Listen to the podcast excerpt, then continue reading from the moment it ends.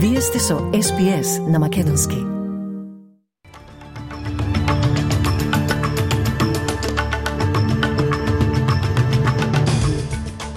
Од денешниот билтен вести издвојуваме. Египет повторно ќе отвори границата кон Газа за да овозможи да помине хуманитарна помош. Австралиските синагоги и џамии ќе добијат дополнителни средства за подобрување на нивната безбедност. А до крајот на октомври во Скопје се очекува да дојде шефицата на Европската комисија фон дер Лајен. Желба да ја посети Македонија изразил и францускиот председател Емануел Макрон.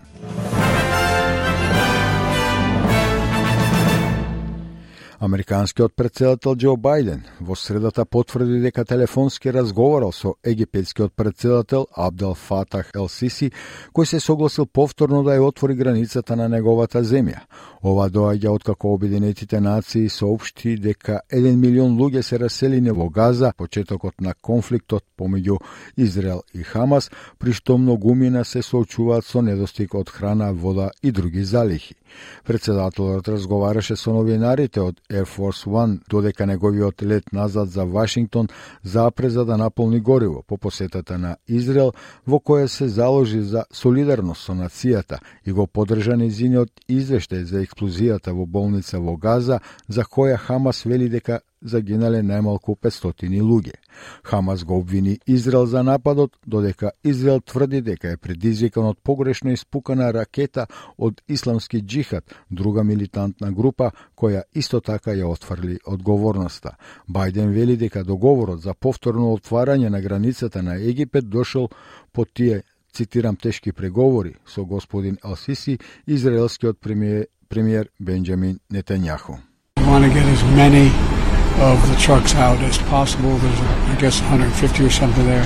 Not all of them will go. The first tranche, if there's a second tranche, see how it goes. The commitment is if, in fact, they cross the border, the UN is going to be on the other side and then distributing it. Министерката за внатрешни работи Клер Онил ги пофали напорите на австралиските гранични сили за обезбедување безбедно враќање на околу 1600 австралици од Израел и појас од Газа. Тоа доаѓа додека последниот планиран лет на федералната влада се подготвува да тргне од Телавив до сна денеска. Официални лица велат дека повеќе од 1500 австралици регистрирани во Министерството за надворешни работи го напуштиле регионот, додека околу 1200 австралици се во контакт со владата и добиваат ажурирање за враќање дома.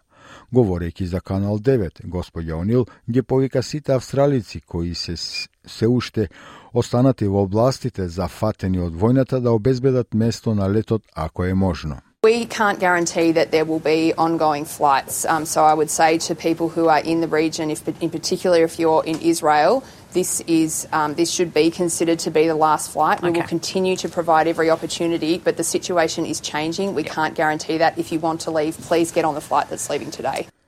Министерот Федералниот кабинет изјави дека палестинците ја плаќаат цената за нападите на Хамас врз Израел и дека биле изложени на дехуманизирачки јазик. Министерот за индустрија и наука Ед Хусич, кој ја доби поддршката од Министерката за млади Ен Али, рече дека Австралија треба да го признае човечкото влијание на конфликтот Израел-Хамас врз палестинците.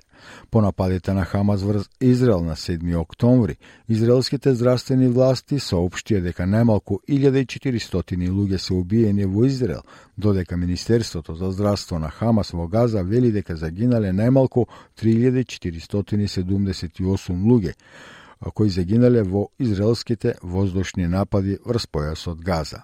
Gospodin Husić, koji prethodno i osudi napadite na Hamas, izjavi za radioto ABC deka deka palestincite se obesčovečeni. I feel very strongly that uh, Palestinians are being collectively punished here for Hamas's barbarism. I really do feel that uh, the uh, there is an obligation on governments, particularly the Israeli government, to, as we have said, follow the rules of international law uh, and to observe, in particular, uh, that innocence should be protected. Австралиските синагоги, џамии и верски училишта во секоја држава и територија ќе добијат 50 милиони долари за подобрување на безбедноста според новиот владин план.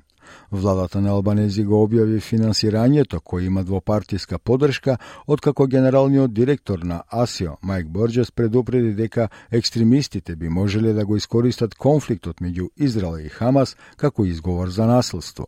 Тоа доаѓа откако беа објавени првичните 40 милиони долари за места за богослужба во јули, при што владата обезбеди дополнителни 10 милиони долари за 177 грантови за верски училишта и предучилишни останови, места за богослужба и центри за заедницата засновани на вера. Јеврејската и исламската заедница изразија стравување по нападите на екстремистите во Франција, Белгија и Соединетите Американски држави.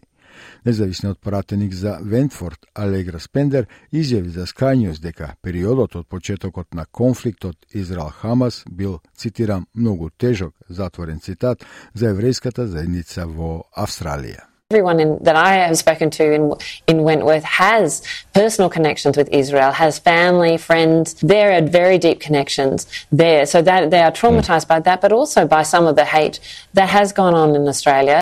Шефицата на Европската комисија Урсула фон дер Лајен кон крајот на месецот треба да допатува во официјална посета на Скопје.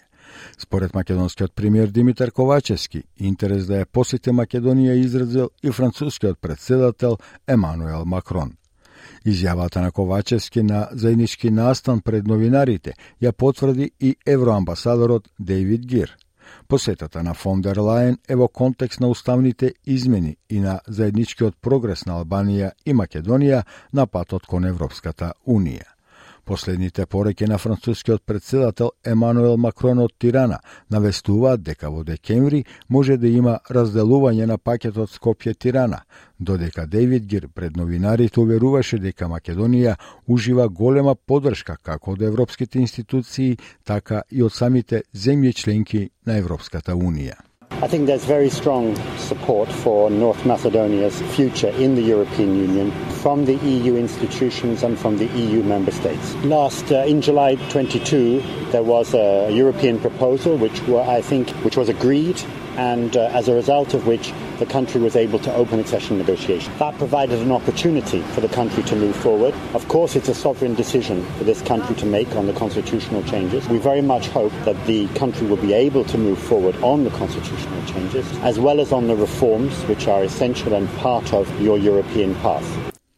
Родителите во Австралија наскоро ќе може да делат најмногу 6 месеци платено родителско одсуство како дел од проширената програмска шема. Владата на Албанези денеска ќе воведе нови закони во парламентот кои ќе им овозможат на семејствата да имаат пристап до 26 недели платено родителско одсуство до 2026 година. Семејствата веќе имаат пристап до 20 недели платено отсуство, но според измените, тој износ ќе се зголемува за две недели секоја година од јули 2024 додека не се достигне стапката од 26 недели во 2026 година. Министерката за социјални услуги Аманда Ришфорд изјави за ABC News дека секој родител исто така ќе добие минимален резервиран период на одсуство. Under our legislation, we're having four weeks reserved for each parent as a minimum, but the rest of the weeks can be divided in any way the family wants to uh, divide that, that caring responsibility. Министерот за одбрана Ричард Марлс ја посети Јужна Кореја, додека Австралија се обидува да ги зајакне врските со нацијата. Господин Марлс предупреди на потенцијалот за конфликт во регионот, вклучително и ако Тајван стане точка на удар меѓу САД и Кина на безбедносните разговори во Сеул. Тој во забелешките на силскиот одбранбен диалог рече дека е потребно да се воспостави одвраќање за да се осигури дека Кина или Северна Кореја ќе ги следат стапките на Русија по нејзината инвазија на Украина. Марлс вели дека одлуките донесени од Јужна Кореја, САД и партнерите како Австралија по примирието помогнале да се одржи мирот што постои денес, но дека, цитирам, сенката на војната, затворен цитат, се уште го прогонува регионот. Долниот дом на рускиот парламент го одобри нацрт законот за поништување на ратификацијата на глобалниот договор за забрана на нуклеарни тестови. Пратениците на Државната дума едногласно гласаа за отповекување на ратификацијата на договорот за сеопфатна забрана на нуклеарни тестови во третото и последно читање во средата. Ова доаѓа откако рускиот председател Владимир Путин предходно овој месец предупреди дека Москва може да ја отповека својата одлука од 2000 година за ратификување на договорот. Председателот на Руската државна дума Вјачеслав Володин вели дека овој потек ја стави Русија на исто ниво составот на Соединетите држави кои го подпиша, но не го ратификуваа договорот.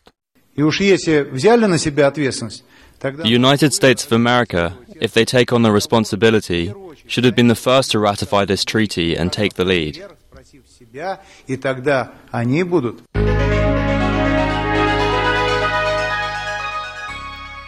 Од најновата курсна листа денеска еден австралиски долар се менува за 0,60 евра, 0,63 американски долари и 36,82 македонски денари, додека еден американски долар се менува за 57,92 македонски денари, а 1 евро за 61,17 македонски денари. Во продолжение временската прогноза за поголемите градови во Австралија утре петок, 20 октомври. Перт сончево со температура до 27 степени, Аделај делно облачно до 28, Мелбурн претежно сончево до 27, Хобарт кратки повремени врнижи до 19 степени, Камбера сончево до 26, Сидне сончево до 25 степени, Бризбен делумно облачно до 25, а во Дарвин ќе биде претежно сончево со температура до 35 степени и во Алес Спрингс сончево со температура до 37 степени.